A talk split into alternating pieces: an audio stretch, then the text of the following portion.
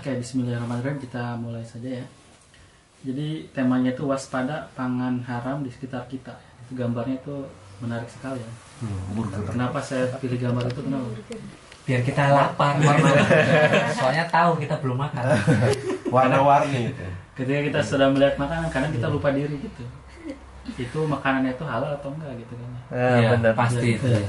Mata duluan yang lapar ya. Betul. Mata duluan yang makan. Makanya saya tanya di sini nih, hmm. ketika pertama kali eh, membeli makanan, gitu, apanya dulu yang dilihat? Survei ya. kalau saya selalu harga harga.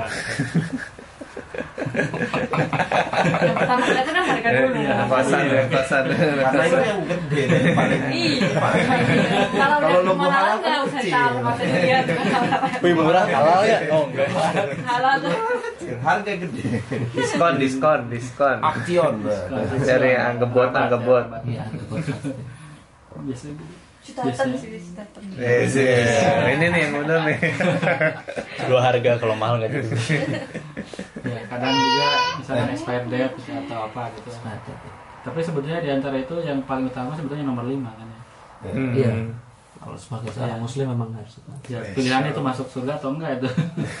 nomor 5 itu. Jadi ini mengingatkan kita kembali bahwa kadang kita lupa gitu bahwa apa yang ada di sekitar kita itu yang kelihatannya halal belum itu halal.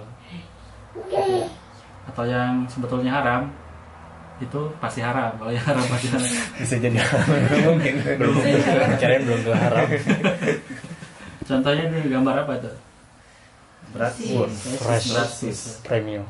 enak kan ya kalau dipanggang gitu kan ya. Wah, apalagi kalau summer gitu. Ada tapi kita nggak tahu kan asal usul dagingnya itu dari mana gitu kan ya dan nggak ada logo halalnya nah kira-kira kita mau makan atau enggak sosisnya mas bro gimana Kalau saya sih enggak, soalnya saya udah tahu itu. siap siap. Jawabannya bagus jadi Tapi saya Iya. harus lihat ini juga, catatannya juga. Oh, Kalau oke. itu rainflies atau apa, nah, boleh boleh. Tapi harus tutup-tutupi dulu gitu. tetap ya. Banyak banyak mintanya. bagus bagus. Oke jadi eh, kajian kali ini tuh bukan lebih ke arah eh, apa namanya menakut-nakuti atau apa lebih lebih ke arah berhati-hati aja sebetulnya lebih ke arah sana. Karena eh, nanti kita dibahas kenapa kita harus berhati-hati ketika memilih makanan atau minuman ya itu maksudnya seperti apa.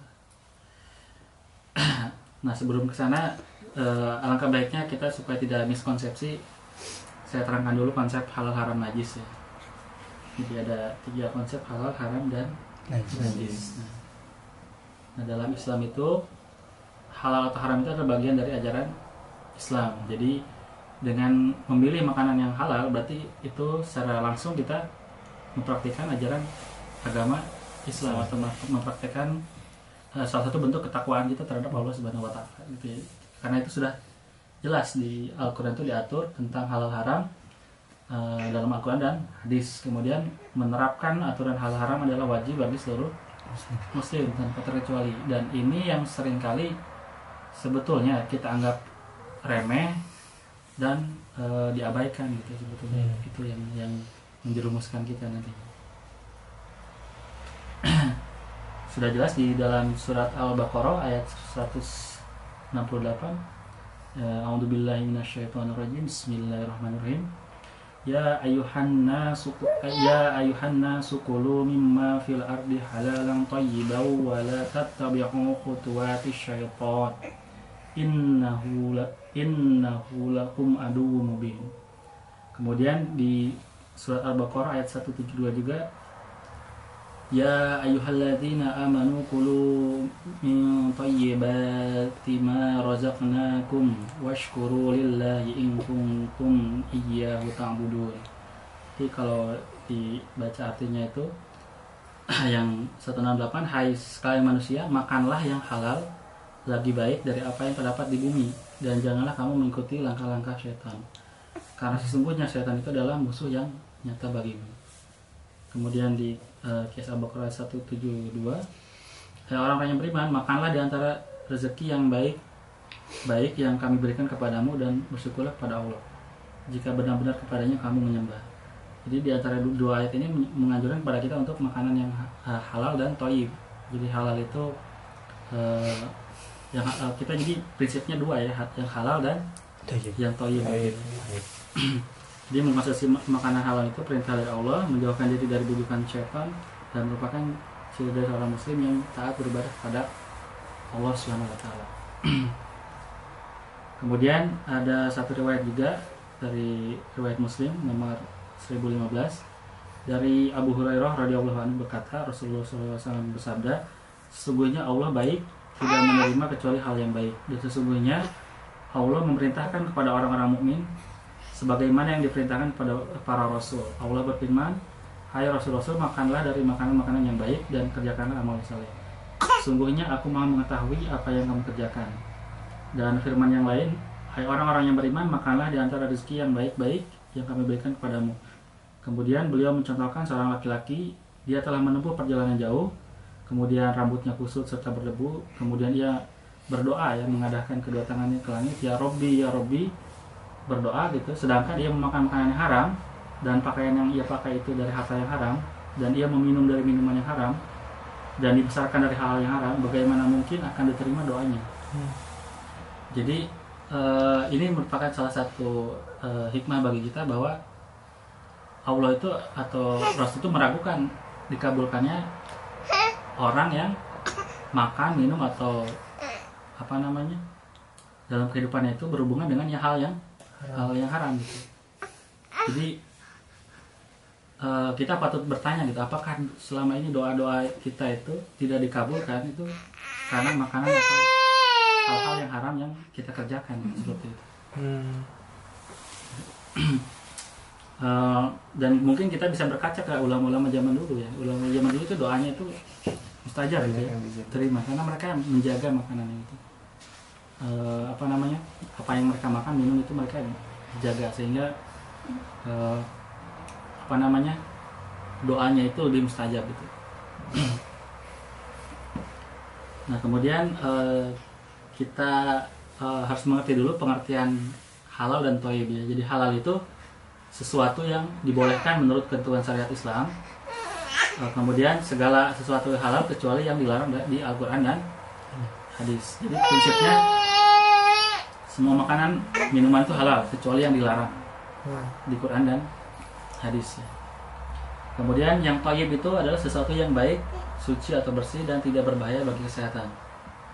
Nah kemudian konsep halal itu harus selalu dikomodasikan dengan toyib. Makanya pilihlah makanan yang halal dan toyiban. Jadi halal eh, sekali- halal dan juga baik ya. Suci gitu. Nah ini ada yang menarik dari konsep eh, hukum halal dan haram. Jadi hukum halal itu itu harus berlaku gitu terhadap perbuatan dan terhadap bendanya gitu. Perbuatan itu eh, contohnya gini, hukum asal perbuatan adalah terikat dengan hukum syara. Kemudian eh, perbuatan itu ada yang wajib, sunnah, mubah, makruh dan haram.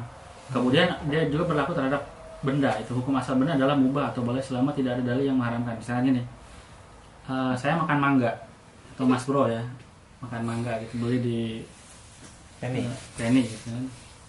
Halal nggak mas bro mangga? Capek dong mas. Mangga. halal ya gitu terus eh, dengan mas bro ngambil mangga di di pohon orang tanpa bilang-bilang gitu.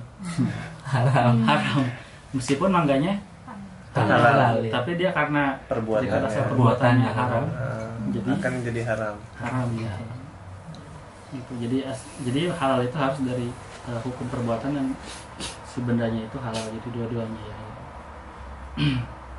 korupsi. Nah kemudian eh, sudah jelas mungkin ya udah pada tahu ya sesuatu yang dilarang haram em, atau haram itu sudah dite- diterangkan dalam Al-Quran hadis ya. Di antaranya itu babi, kemudian bangkai, darah, binatang yang disembelih dengan menyebut eh, nama selain Allah, kemudian hewan buas atau bertaring, hewan menjijikan, hewan hidup yang di dua alam, kemudian bagian tubuh manusia, Pengecualian itu untuk semua hewan yang berasal dari laut atau hidup di air adalah halal walaupun tidak disembelih. Kalau di laut itu halal selama dia tidak tidak hidup di dua alam seperti itu. Kemudian kita juga mungkin eh, yang sering menjadi perhatian itu yang ini mungkin ya Wih. Wah ini.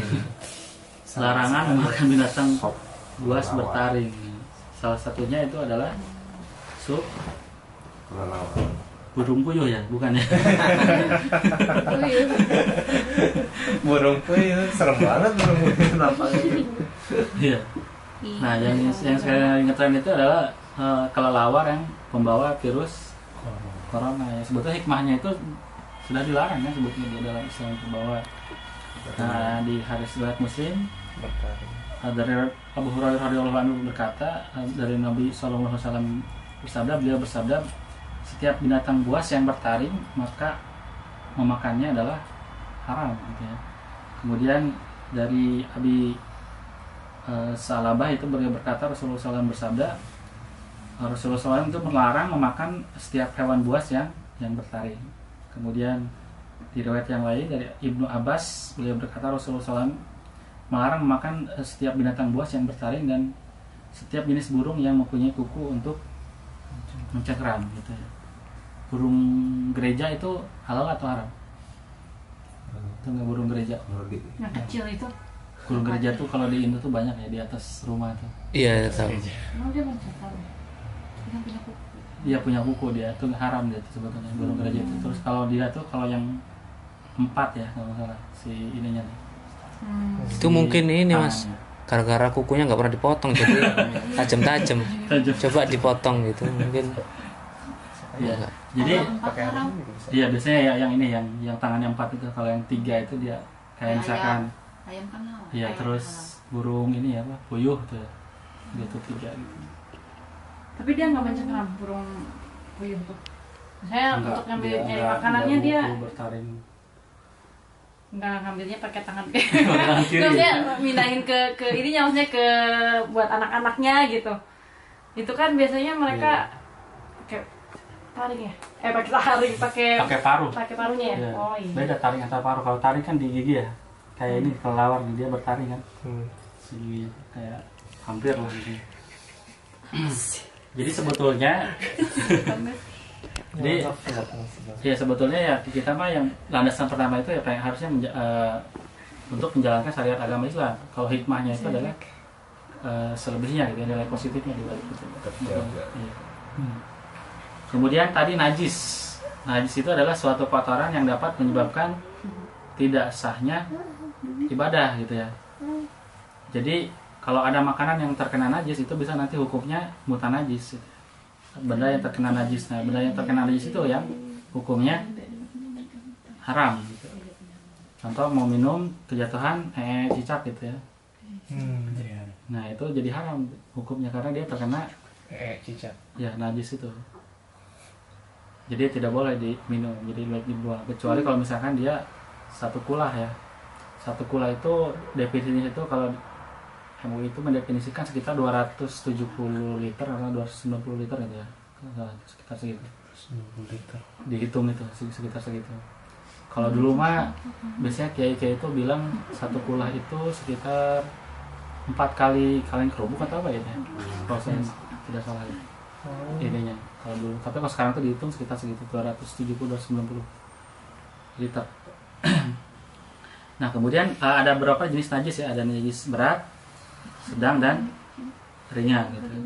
Kalau najis berat itu sebutnya najis apa? Bulan. mu mugol. Mugoladoh ya najis mugoladoh katanya. Dulu. Najis jadi itu yang eh, sebetulnya yang paling berat. Contohnya itu air liur anjing kemudian babi dan turunannya. Jadi harus dibasuh tujuh kali. Salah satunya dicampur dengan tanah atau bahan pembersih kimia. Ini juga yang selalu riskan sebetulnya kalau di bis ya.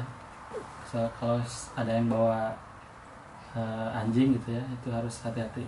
Jangan sampai terkena eh, air liurnya ya. Kemudian eh, najis sedang itu bangkai produk turunan hewani yang tidak diketahui status halalnya darah hammer kotoran hewan dan lain kalau ini dia cara mencucinya cukup eh, dicuci hilang hingga wa- warna bau dan rasanya. Kemudian eh, najis ringan itu air kencing bayi laki-laki yang hanya minum air susu ibu mungkin beberapa bulan Anda masih masih ringan. Tapi ini bayi laki-laki. Oh laki ya. Ya, kalau Tapi bayi, kalau perempuan Perempuan? berarti iya udah najis itu. Udah, oh Najis sejak berat. awal udah najis najis. Iya, sedang ya, sedang. Oh, sedang. Iya, karena kan bisa dicuci, hilang warna. Kalau yang laki-laki hanya ringan. Iya, gitu. iya. Kenapa? Kok yang perempuan sih? Walau alam itu belum ada yang neliti. Tapi kalau diteliti mungkin nggak tahu lah sisi najisnya itu dari dari mana itu. ya. Itu itu dari fatwa ya. Iya, enggak itu mah ada ini, Ada ada, hadisnya. hadisnya, ada hadisnya. Kalau bukan fatwa. Kemudian eh, bahan atau produk halal yang terkena itu menjadi haram jadi hukumnya. Jadi eh, alangkah baik alangkah baiknya ketika kita proses masak atau apa gitu diperhatikan juga jadi jadi jangan sampai eh, terkontaminasi dari hal-hal yang najis itu sendiri atau misalnya produksi makanan minuman gitu. seperti itu jadi jadi kalau di LPPOM itu diaudit sampai ke itunya ke sisi kebersihan dan segala macam misalkan jangan sampai ada rambut kenapa karena rambut itu kan bagian tubuh kalau Nah, kemakan itu. itu haram jadi kalau kita masak- sop juga jadi haram. Sopnya Kalau- haram langsung. Enggak, kalau kita ambil rambutnya nggak kemakan nggak apa-apa gitu. Karena nggak Oh. najis kan. Cuma kalau kemakan itu haram gitu. Oh berarti sopnya itu tidak tercemar ya? Hmm, karena dia sebenarnya rambutnya kan nggak najis. Cuma Hmm. kalau haram itu kalau kemakan. Kema- haramnya kalau Nah, makan. nah. Kalau Karena karena najis, karena najis. rambutnya itu nggak najis Hmm, ya. iya. Tapi kalau kotoran cicak atau kotoran manusia apalagi Ya, itu Nah, itu najis. najis, ya. Ah, Seperti itu. Nah, kemudian apa itu produk halal? Produk yang diproduksi dari bahan yang halal di fasilitas yang tidak terkontaminasi barang haram atau najis.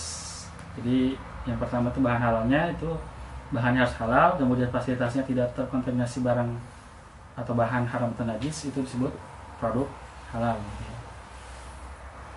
Kemudian dasar hukumnya eh, dari dasar hukum eh, produk pangan itu ada halal, subhat dan haram. Nah sebetulnya yang perlu kita hati-hati itu yang kuning, yang subhat ini karena dia tuh berada tidak jelas itu subhat itu ya, Meragukan. ya meragukan. Dia itu bisa jatuh ke Halal. halal atau bisa jatuh ke haram. Tapi kalau yang halal itu nggak jatuh ke yang haram. Nah jadi sikap seorang muslim terhadap hal yang subhat itu sebaiknya gimana gitu ya? Hmm. kalau kita tidak tahu asal usulnya itu ha- halal atau tidak itu lebih baik ditinggalkan gitu ya jadi di sini ada hadis Bukhari Muslim sesungguhnya yang halal itu jelas. Sebagaimana yang haram pun jelas. Nah di antara keduanya terdapat perkara subhat yang masih samar yang tidak diketahui oleh kebanyakan orang. Nah barang siapa yang menjaga diri dari perkara yang subhat ini berarti ia telah menjaga agama dan kehormatannya. Barang siapa yang terjatuh kepada hal yang subhat berarti ia telah terjatuh ke dalam yang haram. Ketahuilah di dalam tubuh terdapat segumpal darah. Jika ia baik maka seluruh eh, tubuhnya itu akan baik. gitu ya. Namun jika ia rusak maka akan rusak pula lah seluruh tubuh. Ketahuilah bahwa segumpal darah itu adalah hati. Jadi ternyata di sini diterangkan bahwa efek dari makanan itu nanti efeknya itu ke hati. Hatinya itu jadi jadi keras. Kerasnya itu maksudnya apa? Ketika kita menerima eh, ceramah atau apa itu mental lagi gitu masih karena hatinya tuh udah udah kotor gitu. Itu larinya ke perilaku kita. Ya ke perilaku juga. Ke perilaku bukan hanya ke kesehatan gitu ya, tapi ke ke perilaku kita juga ke sifat juga. Saya pernah dengar orang kebanyakan. hati kayak dengki gitu-gitu ya. Iya gitu. Seperti dan apa namanya kalau hatinya sudah keras atau sudah kotor itu ilmu agama itu akan susah gitu dapatnya. Jadi sebetulnya ya sebetulnya supaya belajar agama itu apanya dulu yang perlu diperhati- diperhatikan ya, makanan Makanannya. dulu satu. Supaya doanya juga kabul kemudian ilmunya juga masuk ya. Salah satunya menjaga makanan Nanti bisa cocok juga. Pernah dengar orang makan kebanyakan makan babi atau makan anjing jadi cepat pemarah kayak gitu. Ya, Suka gonggong. Marahnya nggak gonggong juga. Oh. Gara-gara suka makan. Mungkin mungkin perlu diperhati eh, perlu perlu ada penelitiannya juga mungkin ya Iya, ya. seperti tadi yang Najim Najim bilang apa namanya lalat itu saya pernah baca penelitian Iya, ada. ada risetnya. Ya, saya juga pernah dengar. kalau lalat itu.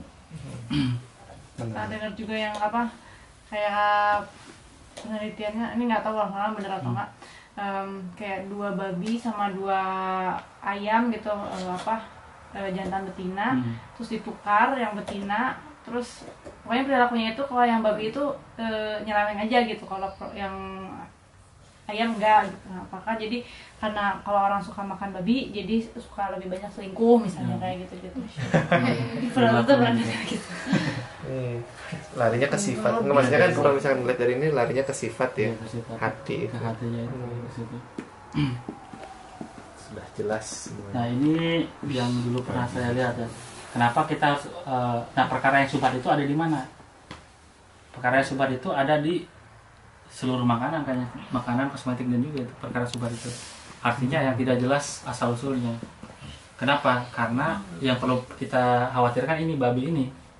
Karena semua organ dari babi itu bisa dimanfaatkan gitu ya. Mulai dari bulu sampai ususnya itu ya. Kotoran Kalau kotoran buat pupuk. jelas bisa babi se ini ya? Hewan lain nggak bisa kayak babi. Iya, makanya babi itu paling laku kan. Dia yang pertama dia semuanya bisa kepakai, yang kedua cepat anaknya kan ya. Babi itu. Kalau jadi pupuk terus pupuknya dipakai buat sayur gitu Kalau terkena bagian dari kotoran itu harap jelas. Si itunya. kalau kita nggak tahu nggak apa-apa kan Iya, kalau kalau nggak tahu beda lagi itu dasar hukumnya. cari tahu Nah, jadi di sini contohnya dari bulu itu bisa jadi produk turunan apa sih itu sikat gigi, kuas, jaket bulu ya. Kemudian eh, kuas sebetulnya yang, yang paling sering riskan itu adalah kuas kue itu. Buat Dari babi. Ntar itu. Ya, kalau nggak salah saya dari pengajian kemarin tuh pernah dengar ada juga ternyata tuh emang di toko itu yang tapi ada tulis ada tulisannya katanya tuh. Jadi kuasnya itu dari bulu babi karena memang lebih halus. di sini Dia di sini siapa yang pernah bilang tuh ya. Kemudian dari kulitnya itu bisa ada, ada produk turunan eh, kerupuk kulit ya atau kolagen. Nah ini kolagen biasanya di kosmetik. Jadi kalau kita beli kosmetik ada kolagennya itu asal usulnya dari mana kita nggak tahu. Itu sebaiknya lebih eh, hati-hati lagi karena itu kolagen murah itu ya satunya dari situ dari kulit kulit babi itu. Wadah halal itu dari situ. Nah, pantesan Wardah mahal gitu ya Iya. Oh mahal ya. nggak tahu Emang mas tahu. Sering beli. ups eh Apa sih ini pas gua bulat lagi buat sih. Bingung ngerekam. Kok ada suara saya rekam? itu kadang kita itu skeptis terhadap suatu produk tanpa tidak tahu dulu asal usulnya gitu. Kenapa dulu sempat heboh juga kayaknya ada kosmetik halal gitu kan? Hmm. Ya sebetulnya karena produk-produk turunan kosmetik itu itu sudah banyak yang di sana masuk dari produk turunan babi gitu. Ya gliserin contohnya, kemudian kolagen. Kemudian dari daging juga sudah jelas ya daging itu sekali. dari lemak kemudian jeroannya itu nah yang unik itu ini keju itu keju kelihatannya halal kan ya keju ya itu ternyata ada eh, sebagian perusahaan yang pakai eh, penggumpal kejunya itu dari rennet dari eh, enzim yang berasal dari bakteri usus itu usus babi rennetnya yang bisa dia bikin dia haram itu seperti itu. Tapi kita juga nggak tahu kan dia asalnya rendah dari mana atau tidak. Tapi lebih baik untuk berhati-hati Kok nggak lurus? itu kasus di Indonesia di Indonesia di sini apa? Sini juga. Kalau Jel- keju, Ngambilnya yang apa lapnya mikrobial. Hmm. apa itu mikrobial? Eh, bukan dari eh, apa bukan Nah, dari ini hewan. nih. bukan dari hewan. Nah mikrobial juga hati-hati tuh titik-titiknya di medianya. Media tanam si bakteri itu. Karena a- ada ada pakai pepton nah pepton protein itu dari itu. Ini mikrobial. media media tumbuh si bakterinya tuh dan di Indonesia pernah ada itu yang ketahuan itu, itu. Oh, produk yang ketahuan mas. Nah, itu jadi si asap jadi kita telusuri juga bakterinya itu tum, eh, bakteri ya kembang biaknya itu di mana gitu. Seperti itu. Hmm, Jadi- aku mau tanya. Hmm. Kan gelatin itu ada yang dari babi, ada yang Hmm. dari sapi. Hmm. Tapi kalau sapinya menikmatinya bukan atas nama Allah, sama aja haram berarti itu. Iya, kalau secara hukum itu haram sebenarnya. Haram So, juga. jadi gelatin sapi juga sebenarnya. Ah, hmm, tapi asal balik ke tadi karena kita nggak tahu dia tuh apa namanya disembelihnya atas nama Allah atau tidak ya. Tapi un- untuk apa namanya untuk eh, daripada kita tadi mendekati perkara yang subhat itu lebih baik diganti ke yang ada yang halal gitu. Ya. Daripada kita tidak tahu asal usulnya ragu dan sebagainya macam gitu ya lebih baik berhati-hati lebih hati-hatinya kemudian yang sudah jelas juga itu bangkai hewan ternak atau unggas organ manusia binatang buas darah apa saja. Kemudian hamar hamar itu minuman keras ya minuman beralkohol. Nah organ manusia ini juga kebanyakan bukan di makanan ya itu biasanya di kosmetik dia. Iya organ manusia itu di- dipakai di kosmetik. Contohnya itu plasenta bayi itu karena dia Iya. itu ada stem cellnya kan ya bagus untuk kulit gitu biasanya Cina itu orang Cina yang yang pakai untuk supaya kalau kulitnya lebih halus atau apa itu dicampur sama sisa sisa sisa plasenta bayi itu. Udah jadi produk komersil gitu? Ya jadi produk komer komersil. Dan itu udah di- udah ditemukan emang. Seperti itu. Nah itu yang eh, harus hati-hati. Kemudian yang kedua eh, apa namanya? Kuas itu juga kuas kue atau apa itu ada juga yang pakai sisa-sisa rambut itu dari situ ya. Jadi itu harus eh, harus diperhatikan juga. Kemudian eh, darah udah jelas ya darahnya haram ya. Karena mungkin ada sebagian di daerah Jawa tuh dia ada juga yang pakai masak gudeg itu ada yang pakai darah ya Dideh. Yang merah.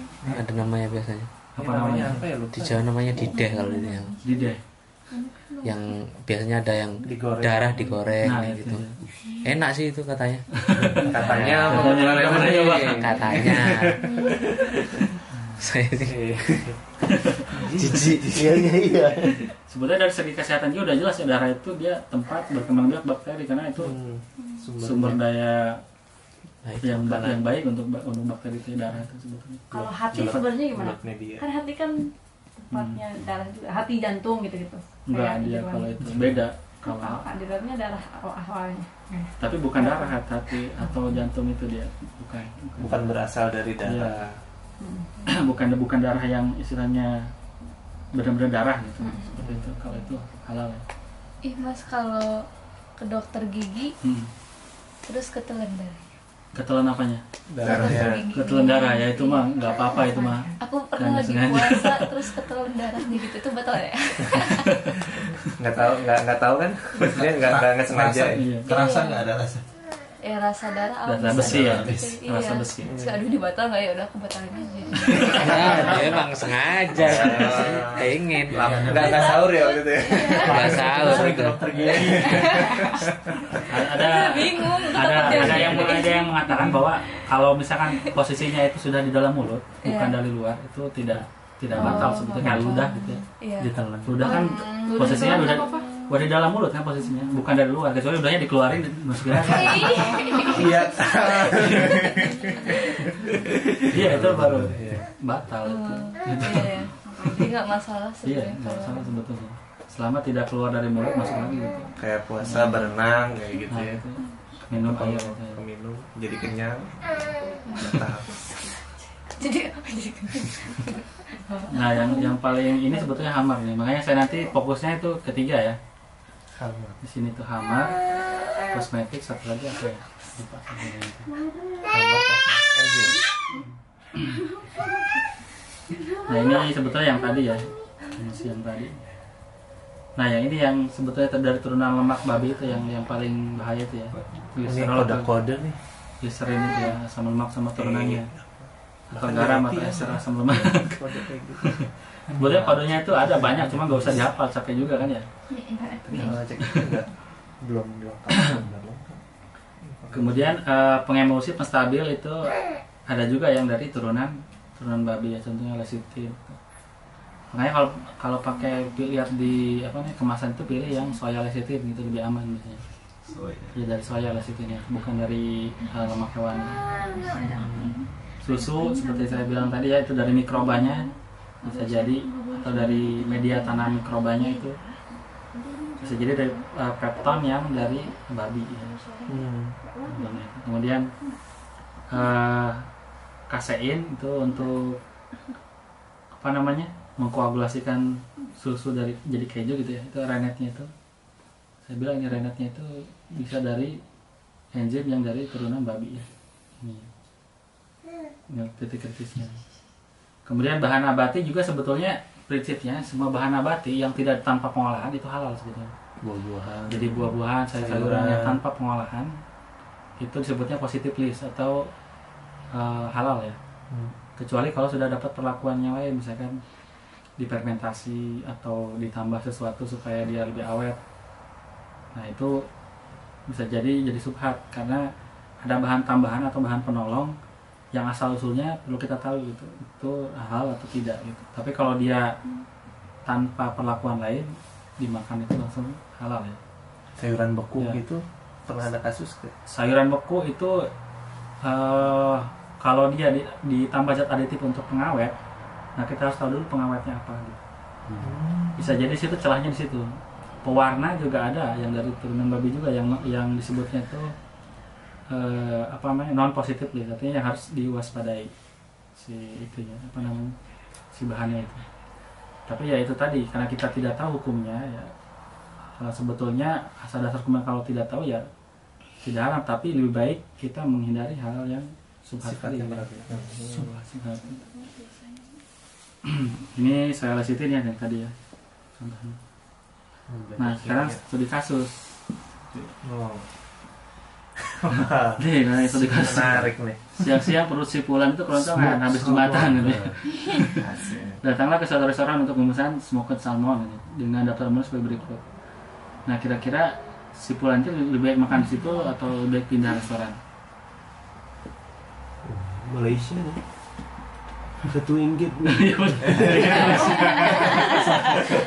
Sampai dia. Kalau udah ada PO Bank BAPI-nya ya auto nggak usah beli situ. Oh cocoret. Iya. ada Ada bacon. Kecuali kalau masaknya mereka dipisah-pisah ya. Soalnya kalau hukum dari tempat masaknya kan netral. Hmm. Pernah saya tanya ke Pak Maimun, Ah, kalau hukum yang buat masaknya asal nggak dicampur masaknya ini sama ini. iya. maksudnya wajannya itu Wajannya. beda Beda. Wajahnya beda Hmm, gitu. jadi wajan untuk bacon sendiri Mm-mm. wajan, Wajan untuk ini sendiri. kayak Oke. sendiri Yang lain ada boleh ini. gitu ya Si Fulan langsung bawa wajah sih. Si Fulan. Iya, kalau si pulang bawa sendiri. kalau ternyata si Fulan selalu membawa wajan Iya.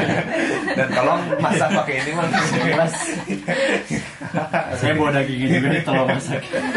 cuman butuh tolong masakin Api. ada pendapat lain. eh, kalau ya. misalkan ya Tapi kalau udah ada nama BAPI-nya mending enggak sih. Hmm, Enggak. Kalau nggak ada pilihan lain boleh seperti itu Hmm. untuk nyari tahu lebih dalam tapi kalau Tapi di Malaysia kayaknya banyak deh pilihan. iya. Ceritanya nggak di ceritanya ya di. Tapi kalau kasus itu salmon nggak digoreng Iya, jadi nggak digoreng. Itu ada di Betul. Ada babinya. Oh ini Apa? bel- dia belinya smoke salmon Di atau? mana? Iya, smoke salmon. Dia- Oh iya, dia memesan kan smoke. nggak ikut Salmon. dimasak tapi Iya, nggak pakai wajan salmon. jadi di smoke jadi pak diasap aja jadi Oh, iya. nggak apa-apa nggak Oh, apa-apa apa? Smoke salmon. smart ini ya. Salmonnya dikasih ini orang Oh, orang. ada. nggak ada harganya itu ya sepuluh sepuluh Oh iya, oh iya. Kecil. Siapa tahu piringnya gitu nah ya piring gimana tuh iya Datang ke suatu restoran untuk pesan smoke salmon dan anak sama dulu. Mending dia pergi masalah nggak Iya. Ada smoke salmon. Sepuluh tuh sepuluh RM sepuluh. Sepuluh RM. Nggak ya. Tadi mau beli itu roti yang pakai smoke salmon. nggak ada tulisan roti mana roti on toast bread katanya. Itu. Jadi masalahnya roti. dia memesan smoke salmon Harganya mas. Di kasusnya ada smoke salmon gitu aja. Kayaknya smoke salmon udah habis mas dengan harganya. mas nanya salah ke kita mas terlalu kritis gitu Sama kita protes. Tolong menu yang ada coret. Jangan jualan di sini. Ah, kita yang dulu. ya Iya kita yang cari yang lain deh cari yang cari lain yang. Subhat, ya. subhat. Habis jumatan Iya. nggak nggak dapat dari masjid nggak dapat Si Fulan kan nggak jumatan mas. Si Fulan kan Tapi cewek. kan dia habis Fulana pulang. cewek. Fulan, cowok. Fulan. Fulin, fulin. Fulan. Oke, jadi eh, sebetulnya kalau dari MUI sendiri itu merekomendasikan untuk tidak makan di sini. Dari Kenapa? MUI. Ya, karena kita tidak bisa menjamin apakah dia bercampur atau tidak. Nah, Gitu. Nah, itu. itu dia kan untuk menghindari itu ya. Dan ketika disertifikasi kalau kalian punya restoran ada menu pokoknya itu nggak bisa. Saya, saya, saya di MUI itu jadi nggak bisa setengah-setengah ya Nggak makanan bisa. ini Iya. tersertifikasi halal Walaupun dia bilang ini saya punya tempat yang untuk Hmm, pork, tetap nggak bisa. tetap bisa. nggak bisa ntar pasti mereka ada malesnya kan Iya, itu pasti dia. orang ntar ada ah easy lah iya, pasti iya. orang ada easy-nya Benar sih. itu masalahnya itu ada Nah, gitu easy-nya situ. Jadi lebih baik kalau ada restoran yang tidak dijual itunya apa namanya bersama dengan itu baik pilih yang itu. Hmm. Kecuali di tengah padang pasir cuma ada satu restoran gitu. Kitanya dari, dari- kalau nggak makan mati. Kalau nggak makan baru itu. Nah, lebih baik sih sebaiknya dihindari. Nah, tadi kasus dua. oh apa nih masih pulang lagi pulang pesan es krim dan coklat gitu. pesan es krim dan Nah, coklat es krimnya itu langsung dimakan aja gitu atau apa yang harus diwaspadai di situ? cek coklatnya apa ini pakai gelatin atau apa ini itu Coklatnya ada soya lecithin ya udah. oh mana ada tulisannya Ada. Soya lecithin mah nggak apa-apa kan dari soya. Ya. Coklat. Tapi boleh berarti ini Es krimnya nggak ada Inggris. oh ada label halalnya itu Itu ini. apa-apa. oh Iya, Mas. Oh, slide-nya, iya, slide- iya. slide-nya. Ah, gagal fokus saya Sebelumnya juga ada kok Mas. di baliknya ada Yang pas babi juga ada. ada. Oh, berarti ini aman nih bisa es krimnya juga nggak apa-apa. Saya nggak ada ingredients, jadi nggak tahu. oh kalau es krimnya ada alkoholnya nah Nah, Ada dia. tulisannya. nanya Gimana, dulu gimana, harus gimana? harus nanya Oh, iya, ini iya, es krimnya ada alkoholnya nggak bener bener bener ke iya penjualnya kadang-kadang suka ada Saya kayak di satu Iya. di setiap restoran ada ini. Nah, betul. Ada tulisan ya bukunya, buku, Oh, ingredients. kebetulan saya nggak suka es krim jadi nggak Saya perlu tanya-tanya ke tukang es krim Buku Nah. ingredients sih. Nah, jadi yang diperhatikan itu boleh makan es krim. Tapi ya itu harus hati-hati dulu, tanya dulu. Tanya, iya. Ada alkohol atau tidak. Sebetulnya katanya tuh ada es krim yang warna gelatin ya. ada. Ada. Dari Nah, lebih baik pilih es krim yang itu kayaknya gelatin itu. Hmm. Karena itu titik titiknya di situ. Oh, Iya. Promo. endorse endorse Yang lovers kan dekat North Sea. Sekali ya. lovers make good Jadi pastikan deh, eh, mention kainnya gelatin sama alkohol ya gitu ya. Kemudian tadi betul ada yang jeli tadi lihat di situ ada yang coklatnya soya lecithin. Nah jadi kalau beli coklat itu langkah yang paling minimalnya lihat itunya dulu ya. Lecithinnya itu yang paling sulit di situ. Yang minimal untuk meminimalisir langkah pertama itu ah, ya, itu, itu. Kemudian eh, gliserin atau fatnya itu dia eh, dari apa soya atau bukan gitu ya di situ. Hmm. Itu salah satu titik kritisnya gitu ya. situ. Kayaknya udah pada jago-jago nih. Kemudian sehabis makan si Pulan kehausan. waduh Lihat ke kulkas, restoran ada tiga pilihan minuman.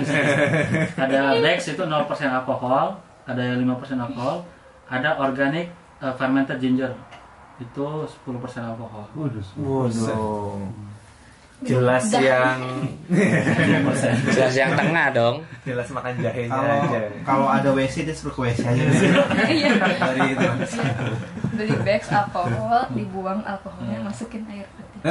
Sama aja ternyata. Cucinya lama. Udah pulang ke rumah lah pulang ke rumah lah. Pulang suruh pulang ke rumah. Tahan aja lah tahan aja lah. Mau makan nggak ada makan. lalu banjar ini minum air kuahnya. Iya, enak gurih tapi Bex tuh 0%, 0% alkohol tuh iya tapi kan masih ada 0,001 yang jauh itu Diberikan ke pasti bawah. ada Tapi Coca-Cola juga ada 0,000 berapa persen. nah itu ada orang yang Apa Coca-Cola? kayak gitu Iya, Coca-Cola. oh iya serius Nggak tahu saya kalau apa. Ada dulu gosipnya dulu ramai Eh, gosip. banget. Nah, di, kalau- diomongin di itu Tapi emang kalau- Muslim Bremen. Eh, kalau kalau ngecek di halal cek emang itu produk yang ada kontroversial alkoholnya Hmm. Mungkin ya. Ada. sebenarnya maaf ya Coca Cola mereknya Bex aja kebetulan. Jadi enggak Fanta juga Fanta. Coba kalau Bex nih bikin air minum. gitaris. Nggak laku ini ntar. Wah ini air minum beralkohol nih. Jangan-jangan. Air minum. Nah, jadi jadi jadi gimana ini? Jadi Gimana nasi pulan nih? Biarin lah dia. Kalau Ya ini aja 0% ini. paling aman loh Jadi kalau bir 0% itu kan sebelumnya apa diolahnya dari alkohol eh, apa yang ada alkoholnya dia. Diolah menjadi jadi si alkoholnya disaring menjadi 0%. Jadi Prosesnya Atau kan gitu. sama yang 5% alkohol jadi udah Nah, alkohol. jadi bercampur ya, bisa jadi. prosesnya tidak tidak halal. Mata najis jadi mata najis. ya. Atau najis pembalan. Najis. Oke, jadi kesimpulannya apa nih? Gak usah minum. Puasa aja lah. Puasa karena. Jadi ya betul. Jadi pilihan Ending apa nih? ceritanya. Mending minum air keran ya. Kenapa?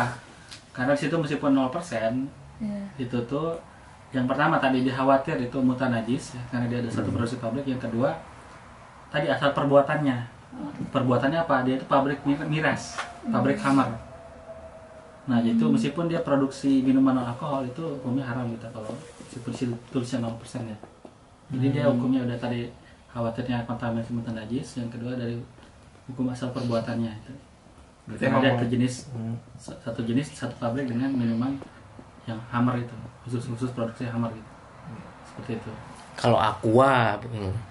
aku kalau aqua bikin bir bikin biar 0% alkohol gitu. Iya. selama dia pabriknya beda itu nggak masalah tapi kalau dalam satu pabrik itu tidak tidak bisa disertifikasi halal. artinya Soalnya- ada keraguan di situ pabriknya udah dicap ini ya nah, bikin iya. Homer. Nah akhirnya kita bahas ya jadi uh, hukum dasar alkohol itu sudah ada di fatwa MUI yang nomor 10, 11 dan 40 tahun 2018 Jadi yang dimaksud dengan alkohol itu sebetulnya yang paling umum itu etanol ya. Tapi bukan hanya etanol, sebetulnya produk turunan yang lainnya juga yang ada OH-OH-nya itu dia termasuk alkohol ya. Cuka berarti. Kalau cuka bukan dia asa- asam, asam karboksilat ya. Tapi kan belakangnya wah. COOH. COH. Oh iya. COH kalau ini OH dia. Nah, jadi etanol yang berasal dari industri hammer, industri minuman keras, itu tidak boleh digunakan untuk produksi halal.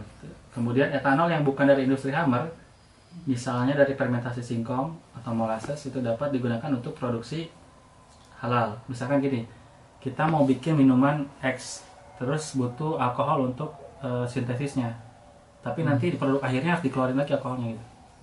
Itu boleh, tapi harus pakai alkohol yang dari bukan dari industri hammer. Selama alkoholnya di, kita ambil lagi gitu.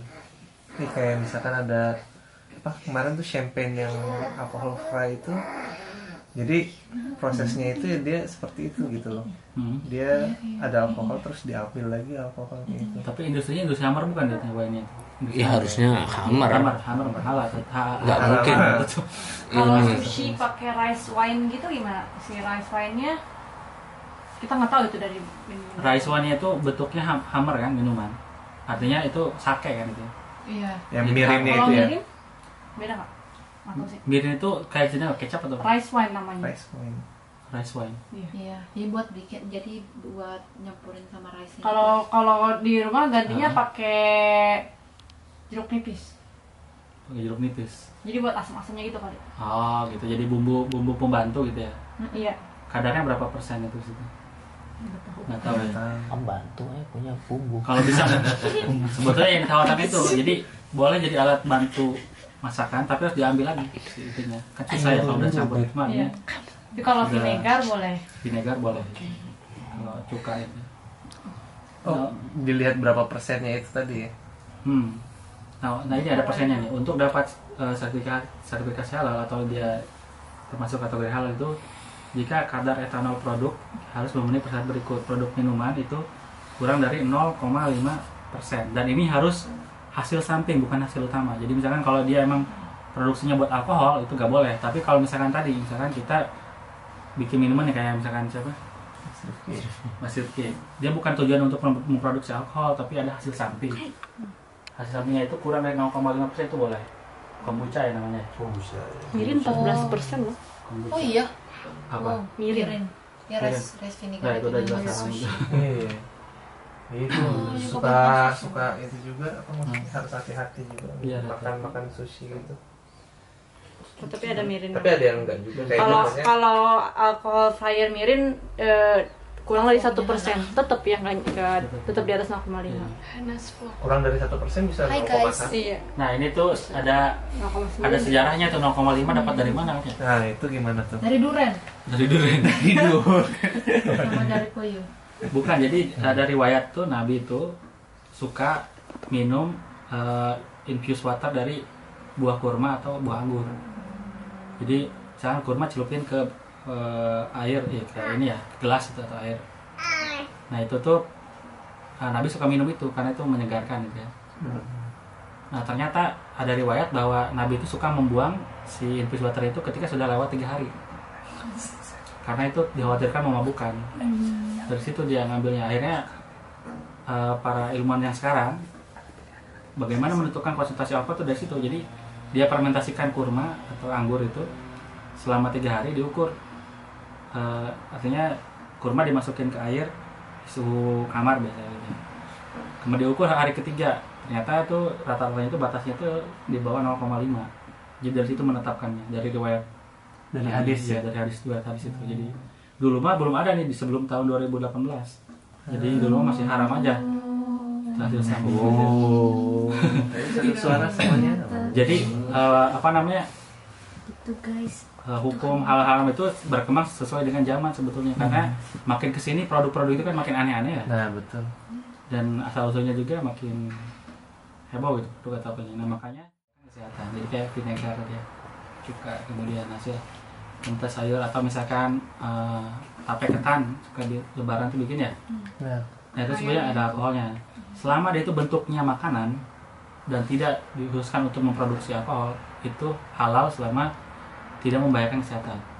Dimakan halal. Ya dimakan halal. Tape itu. Ya kayak brem ya brem itu kan sebenarnya ada alkoholnya dia. tapi karena bentuknya makanan bukan dimasukkan untuk produksi alkohol itu hal- halal.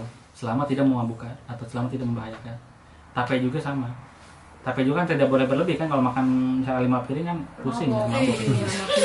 Tapi berarti itu Lima pir. nggak haram. nggak haram. Kecuali kalau Tapi misalnya airnya diminum tanpa tapenya itu Oh. haram. Oh. Sengaja sengaja mah- ya, ngambil airnya mengambil itu airnya dan buat untuk diminum. dengan tujuan untuk Airnya mabuk halal. Iya.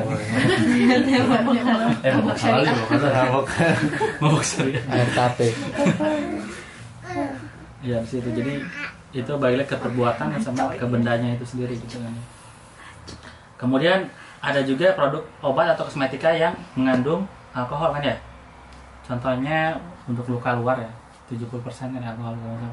Ya. itu tidak ada batas selama tidak membahayakan kesehatan dan biasanya dipakai untuk obat luar ya ya mau ngeringin luka iya Gitu ya. oh, gitu itu tidak berbahaya selama tidak ini apa tidak membahayakan kesehatan gitu ya Kalau albotil, misalnya buat sariawan kan itu di dalam. Apanya Albotil kan ada alkoholnya. ya alkoholnya itu selama tujuannya kesehatan dan tidak membahayakan tidak apa-apa gitu. atau sengaja ditelan albotilnya gitu kan iya iya kan botil udah nggak boleh kan ya? udah nggak boleh Iya. maksudnya sempat dapat informasi Iya, kalau dulu abotil itu produk banget tuh. Iya karena itu dikhawatirkan dia langsung ini ya masuk ke, Iya. ke dalam karena tinggi juga kayaknya itu ya tapi Iya. di Jerman ada yang prosesnya sama kayak abotil gitu tapi eh bukan dikumur sih tapi dia semacam kayak pasta gitu Hmm. namanya apa saya lupa itu. Kalau buat sariawan sangat ampuh juga itu kalau dia apotek. Manis nggak? Enggak nggak manis. Jadi kayak dia kayak bahan rempah-rempah gitu kalau dicium Ah, itu. oke. Nah, kalau misalkan dioles benar-benar bikin panas tapi cepet kering dia mengeringkan. Dari Tapi boleh nggak? itu? dari cengkeh atau apa? Nah, kurang tahu lebih jelasnya. Tapi masih dijual kan jual maksudnya di apotek bisa. di Jerman itu bisa Walau kalau misalnya di Jerman kan nggak tahu gimana. Dari segi kesehatan sih kayaknya kalau masih dijual nggak apa-apa. kalau di Jerman harusnya aman ya. Aman. Kan di sini harus lolos lo itu kan. Nah jadi sisir haidnya mantap. Oke kita lanjut ya itu alkohol nah ini hikmah dibalik haramnya alkohol ya. Jadi sudah udah jelas ya. Jadi tadi udah jelas haramnya. Nah kita hikmahnya apa gitu kan jadi sudah ada penelitian yang mengkonfirmasi bahwa tidak ada batas minimal mengkonsumsi alkohol itu sehat itu ada sebetulnya jadi meskipun sedikit alkohol itu beracun sebetulnya karena kenapa kalau lihat di bawah ya secara ilmiah kerja hati itu akan lebih berat ketika ada suatu yang masuk itu susah di metabolisme. Iya. Contohnya alkohol. Alkohol itu dia ketika di me- metabolisme dalam hati itu akan dirubah jadi aldehid. Yang ini nih, aldehid ini. rantai karbonil Ya, ini yang tadinya OH kan. Jadi karbon Pautuku. karbonil CO. Yang yang bahaya itu yang toksiknya apa yang aldehidnya itu. Jadi itu yang meracuni hati. Makanya kenapa orang yang eh, suka minum keras itu kebanyakan penyakitnya itu kerusakan hati.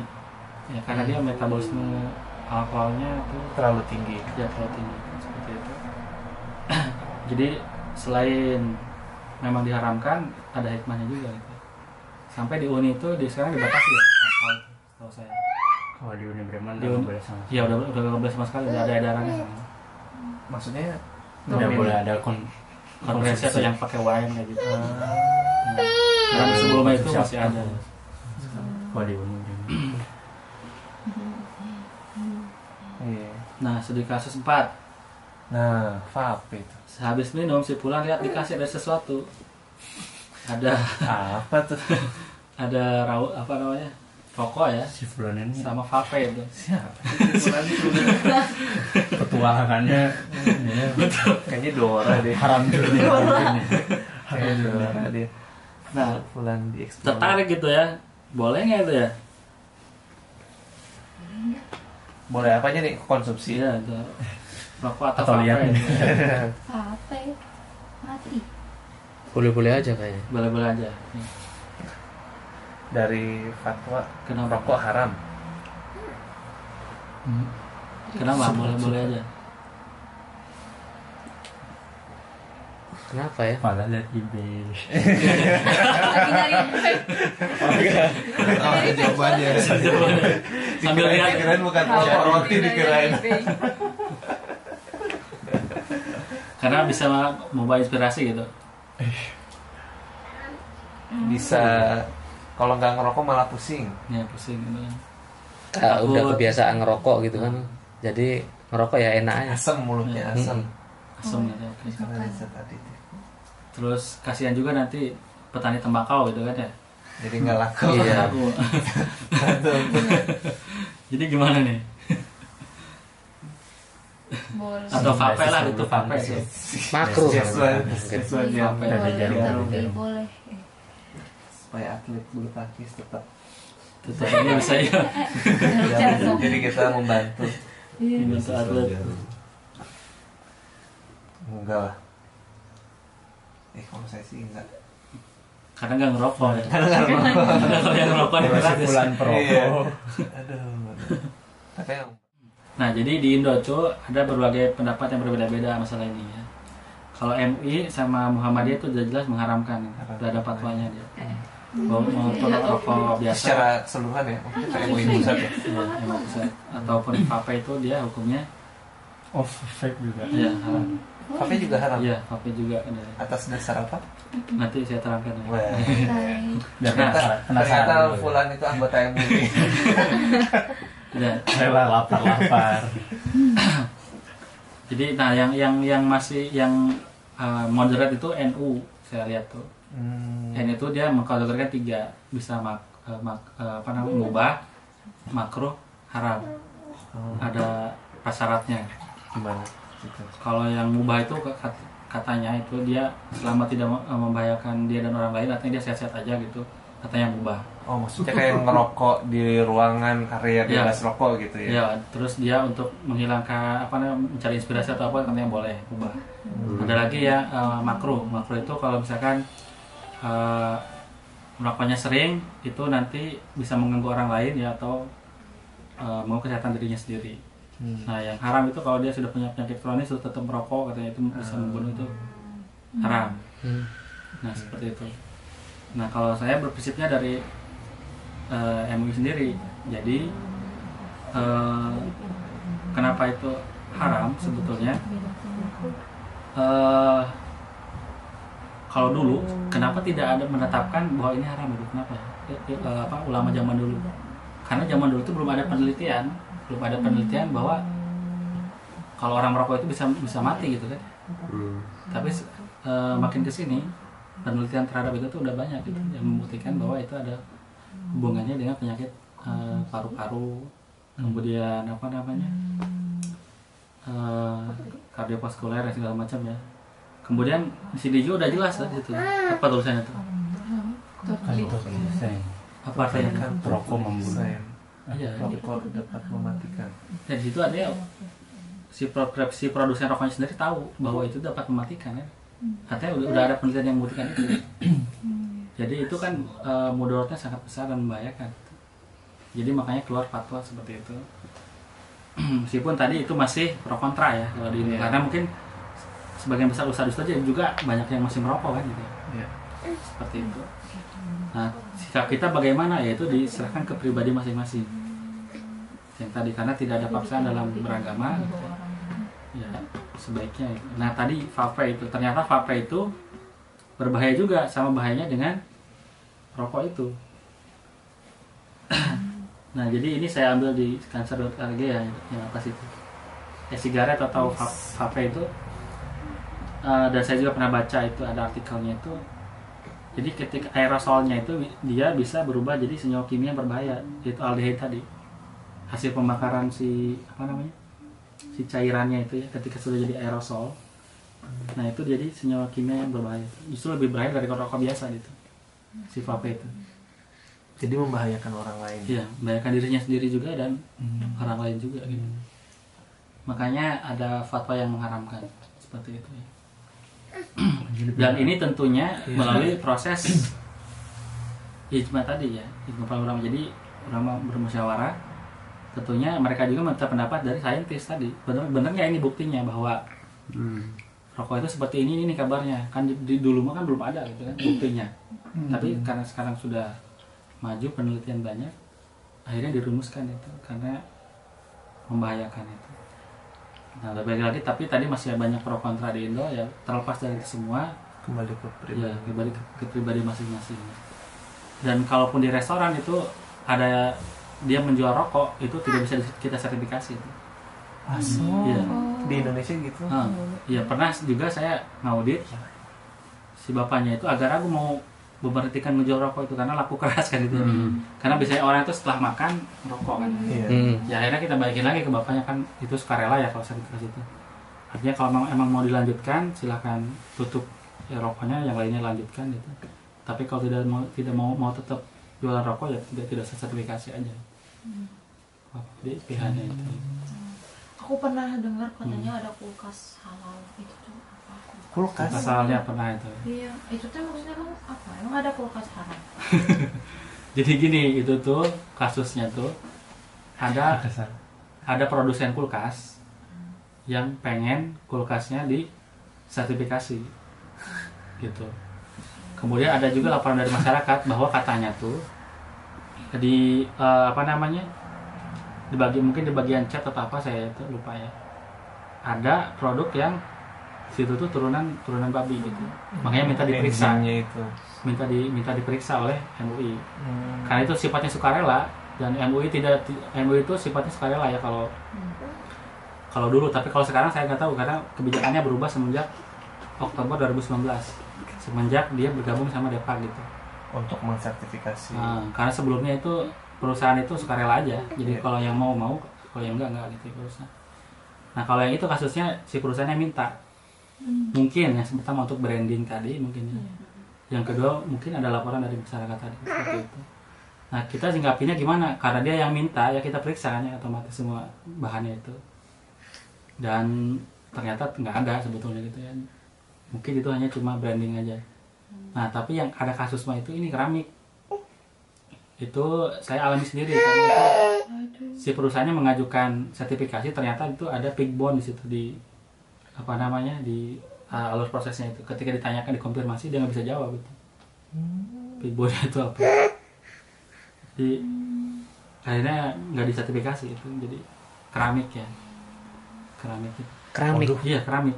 Kalau jadi buat masjid kan iya keramik itu karena khawatirnya apa karena itu kan nah, nah, najis ya ketika dipakai so- ibadah itu Hmm. itu di situ Tapi bukan berarti itu jadi dia Dimakan. terbranding jadi ya dicap haram kan ya. Maksudnya kalau misalnya satu perusahaan ini dia minta sertifikasi halal, tapi ternyata oh enggak nggak halal tuh Hmm. dia nggak usah mempublikasi itu kan bahwa ini Iya. tidak halal gitu tidak halal bahaya itu jadi nantinya apa namanya merusak nama baik Iya. perusahaannya gitu ya.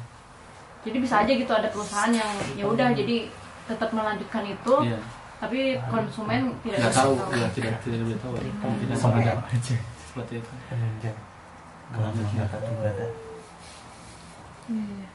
Nah tadi kasus terakhir kayaknya nih Oh, Rosman. Bukan, Rosman. Rosman. Harus mana? Kalau Rosman cowok. perawan Mana? Di. Tempat jadi sebelum Iya, iya. pulang ke rumah Harus- sebulan harus maka toko harus mana harus kan boleh sebagai titipan ibunya. Nah, itu gimana tuh? yang diperhatikan apa di sini? Bulu. bulu tadi ya udah jelas itu di situ Hmm. takut dari binatang atau dari rambut manusia. Ngerti juga. Parfum. parfum. Alkohol. nah, gimana? Alkohol tadi ya Nggak apa-apa kan? Tapi kan nggak apa-apa selama tidak nah. Selama nggak dipakai di Diminum. racun- keracunan ntar. alkohol dalam kosmetik itu tidak apa-apa selama alkoholnya itu bukan dari industri hammer So, Hmm. kayak merek Adidas itu nggak apa-apa.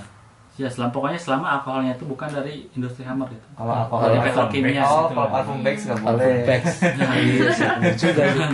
Ntar pas disemprot bau bir. Orang gembel ya. sebetulnya ada dua pendapat ya ada yang gitu. dia ulama yang mengharapkan Bau benar pena. jadi maupun dari industri hammer atau bukan selama dia alkohol dikambas itu haram Hmm. ada juga ulama yang selama asal usulnya bukan dari hammer boleh tak MUI sikapnya gimana? Pilih yang itu. Jadi Ya, sama. itu yang selama bukan dari yang hammer itu boleh gitu. tapi untuk hati-hati ya kalau misalkan awalnya tidak pakai parfum yang beralkohol ya lanjutin aja kan itu lebih lebih hati-hati ya. Karena takut kita ragu-ragu kan itu benar dari industri hammer atau enggak gitu kan. Seperti itu. Tapi secara fatwa MUI itu boleh. Selama si alkohol yang ditambahkan ke situnya bukan dari industri hammer dan di luar dipakainya bukan di disemprot ke mulut gitu ya. Iya. Kemudian lipstick, Nah, lipstick apa tuh? lipstick itu ada gliserin sebetulnya supaya dia glit apa namanya licin itu ya minyak gitu ya. Kelihatan basah gitu. Kelihatan Nah, terus ini juga apa namanya oh nah saya, tekankan aja di sini ya. Nah titik kritisnya itu bisa berasal dari sumber bahan penyusun apa ada sama biar kemudian dari kuasnya tadi ya. Nah ini yang waterproof nih. Waterproof. Iya kan ada bedak atau lipstick yang waterproof Maskara. maskara. Nah itu kan wudhunya ketutup ya air wudhu kan menghalangi wudhu. menghalangi yang ibadah itu. itu ngilanginnya pakai apa kalau waterproof? Alkohol. Tapi yang nggak mungkin lulus uji tembus air lah kan waterproof namanya juga. Berarti yang waterproof semuanya nggak boleh. Itu itu tuh gak boleh karena ketika kita wudhu itu khawatirnya Nggak tembus air nggak kan. tembus air. Tapi kan di, dibilang jika Hmm. dikalian waterproof maka harus lulus uji tembus air. Ya nggak akan lulus uji tembus air lah kan waterproof. Bisa jadi mungkin ada produk yang waterproof tapi dia bisa tembus air gitu kan. Ada ada standarnya kan gitu. Seperti itu. Artinya Tahunya dari mana? Ya itu diuji tadi gitu. Ya, Siram kalau air. misalnya Oh, saya nggak tidak merasa basah Kalau kalau websitenya kalau kalau di sini tahu kali kalau Wardah mungkin kalau ya seluruh badannya pakai yang nah waterproof. berarti lebih baik apa? Ya kalau Lebih mandi nggak yang Iya, Eh, yang waterproof. gitu. atau pakai yang waterproof tapi ketika wudhu dibersihannya harus maksimal. jaga wudhu Anda ingin sampai tidak Boleh aja sebetulnya ya. tapi di sini nggak boleh Boleh gitu. iya kalau winter ya iya Atau di hapus dulu make upnya pakai alkohol kan ya biasanya ya? Pakai apa? Kalau waterproof. micellar micellar water. Oh ada yang lah. Tapi yang ada minyaknya gitu. saya tidak ngerti Baru wudhu itu boleh. Terus kaitannya dalam sertifikasi MUI itu sendiri itu ada apa maksudnya tersertifikasi ya? nggak tersertifikasi kalau misalkan itu Tidak tembus air. ya. Oh, Gitu. karena emang ada karena alasan itu kekhawatiran Iya untuk kekhawatiran itu. berwudu itu Wudhu jadi ibadahnya. Sampai sampai titik segitu Iya. gitu ya. Kemudian peralatan produksi jika bersama dengan produk lain yang mengandung babi itu ya tadi ya kontaminasi silang. Hmm. Itu. Nah ini yang haram itu ya. Contohnya keratin, albumin, plasenta dari manusia itu ya. Keratin itu kan keratin itu dari rambut. Rambut diolah itu biasanya dari, dari keratin ya. Apa ya tadi ini plasenta itu albumin itu biasanya dari sana itu. Yang harus dilihat harus hati-hati lah gitu, kitanya. Kemudian tadi ini gliserol atau gliserin juga belum tentu kan itu dari eh, hewan yang halal atau tidak gitu kan. Nah ini sabun juga ya. Ada juga kan gliserinnya ya karena sabun itu kan pasti reaksi antara lemak sama basah ya. Pasti dia pakai lemak sabun Waduh. pasta gigi. Pokoknya yang deterjen deterjen itu pasti pakai lemak. Nah yang riskan itu yang itu lemaknya itu apakah? Makanya pilihnya lebih baik yang vegan sih yang lebih aman tuh. Jadi pasta gigi sabun itu Iya. sama kalau mau aman sih Iya di ya, Rosman itu malah yang paling murah tuh. ya paling murah Iya. Kayaknya paling. Ya, nggak perlu bunuh hewan soalnya warna rambut juga ya kalau susah nyari hewan dulu ada diambil apa namanya ada ada ada titik-titiknya juga ya. contohnya dari pewarnanya bisa jadi di apa namanya jojoba oh iya oh jojoba itu nggak nggak boleh jojoba oil itu dia kalau jojoba oilnya bukan dari langsung gitu. Ada produk olahan lagi seperti itu misalkan jojoba oil ditambahin sesuatu lagi gitu kan ya. nah itu yang yang perlu diperhatikan. Tapi tidak semuanya. Artinya tidak semuanya haram. Ada juga yang halal misalnya vitamin A vitamin C itu ada juga. Cuman yang perlu diwaspadai ya. tahunya dari mana? Ya nggak bakal tahu atau nggak diselidiki. Tapi waspada lebih waspada aja. Lipstick tadi ya. Hmm. nggak jelas banyak yang kata kutipnya itu. Itu yang khawatir kan ada meskipun ada juga yang tidak gitu. Ini pasta gigi ya.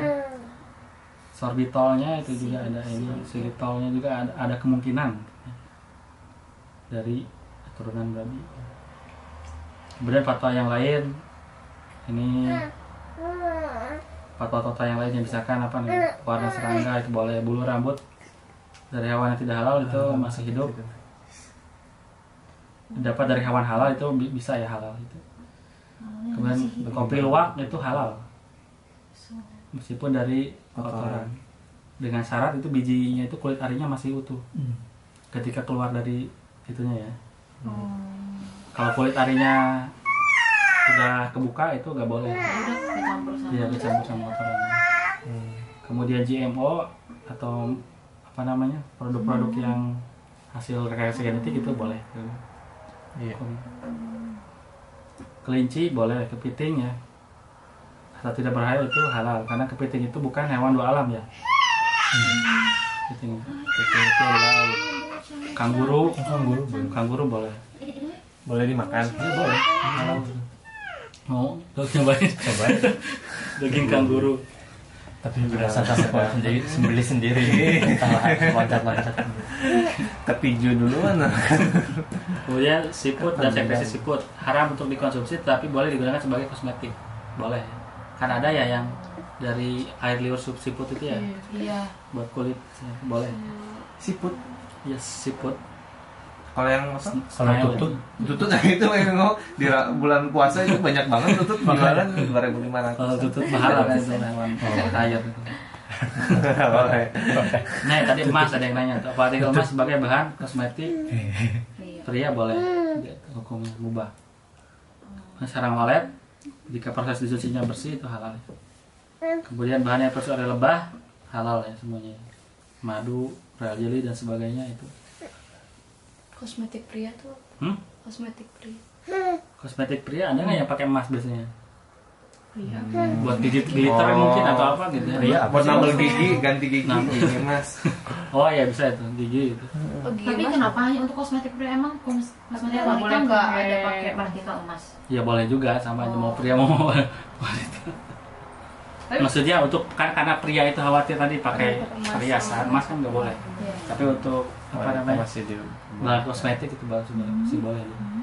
Soalnya misalkan ada sekarang eh, apa namanya partikel nano untuk cuci muka kan itu ya. Ada yang dari karbon aktif, kalau ada jadi emas juga. masker juga ada yang ada Iya masker kan ya. Itu boleh ya. Kemudian terakhir ini tips-tipsnya ya.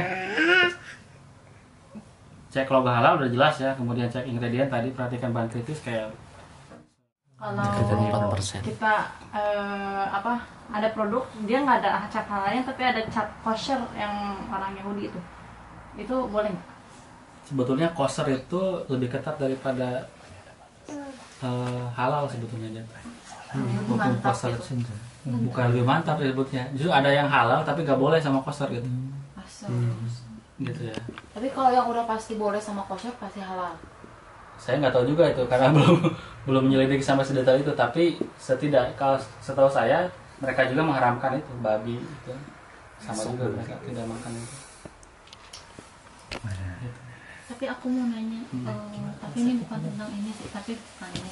Aku pernah ngobrol sama teman, Hmm. terus dibilang gini kalau misalnya kita dikasih, misalnya dikasih sesuatu dari teman, terus ternyata dalamnya kita nggak bisa makan, terus kita kasih ke orang yang non muslim segala macam. Emang itu kan sama kayak kita ngasih alkohol gitu orang kayak mau- memberikan jalan ke orang lain minum alkohol atau minum apa, itu juga boleh. kalau kalau saya prinsipnya Pengaturannya dulu kali. selama itu apa namanya karena hukumnya nanti mubazir gitu ya. Kalau alkohol dengan makanan kan beda jauh kan hukumnya ya. Kalau misalkan hukumnya kita membuang lebih lebih lebih mudarat mana kita membuang makanannya atau kita ngasih ke mereka yang bisa makan itu? Lebih besar mudaratnya yang mana kalau menurut saya lebih besar mudaratnya itu membuangnya gitu. Kalau yang makanan itu emang bisa dimakan. Kecuali tadi ngasih misalkan alkohol yang udah jelas Alkohol beneran alkoholnya. seperti itu. Yang artinya bisa membahayakan kesehatannya gitu. gitu. Ini udah slide akhirnya. Oh, Alhamdulillah. Rabbil Ini apa kan? tunggu-tunggu nih? Ini halal kan ya? Kalau di kuliah ya di kelas nggak ke sampai sebetulnya masih banyak ininya cuma ya ini ini aja pemanasan diskusi. Q&A, Q&A. Pas. pas ya Pas apa mas? Enggak maksudnya Pas lapar. waktunya loh. tentunya berarti saya Udah mau jam 9 Jam Sejam lagi maksudnya Pas satu jam lagi sebelum jam 9 Siap, siap, siap. Ngeles saya belajar. ya, jadi gitu aja ya. Jadi balik lagi sebetulnya ke, ke diri pribadi masing-masing ya. Setelah ini Mm-mm. ya kalau pilihannya tetap seperti itu ya silakan. Kalau lebih hati-hati ya lebih bagus. Karena tidak ada paksaan dalam menjalankan ibadah. Seperti balik lagi ke kita umur kita kan siapa, yang tahu kan di dunia ya. Amalan itu kan dihitungnya bukan dari ibadah yang uh, ritual aja ya, kayak sholat apa. Salah satunya ya ini. Apakah Menjaga betul? Iya menjaga diri dari hal-hal yang haram atau makanan haram juga itu salah satu bentuk ibadah. Seperti itu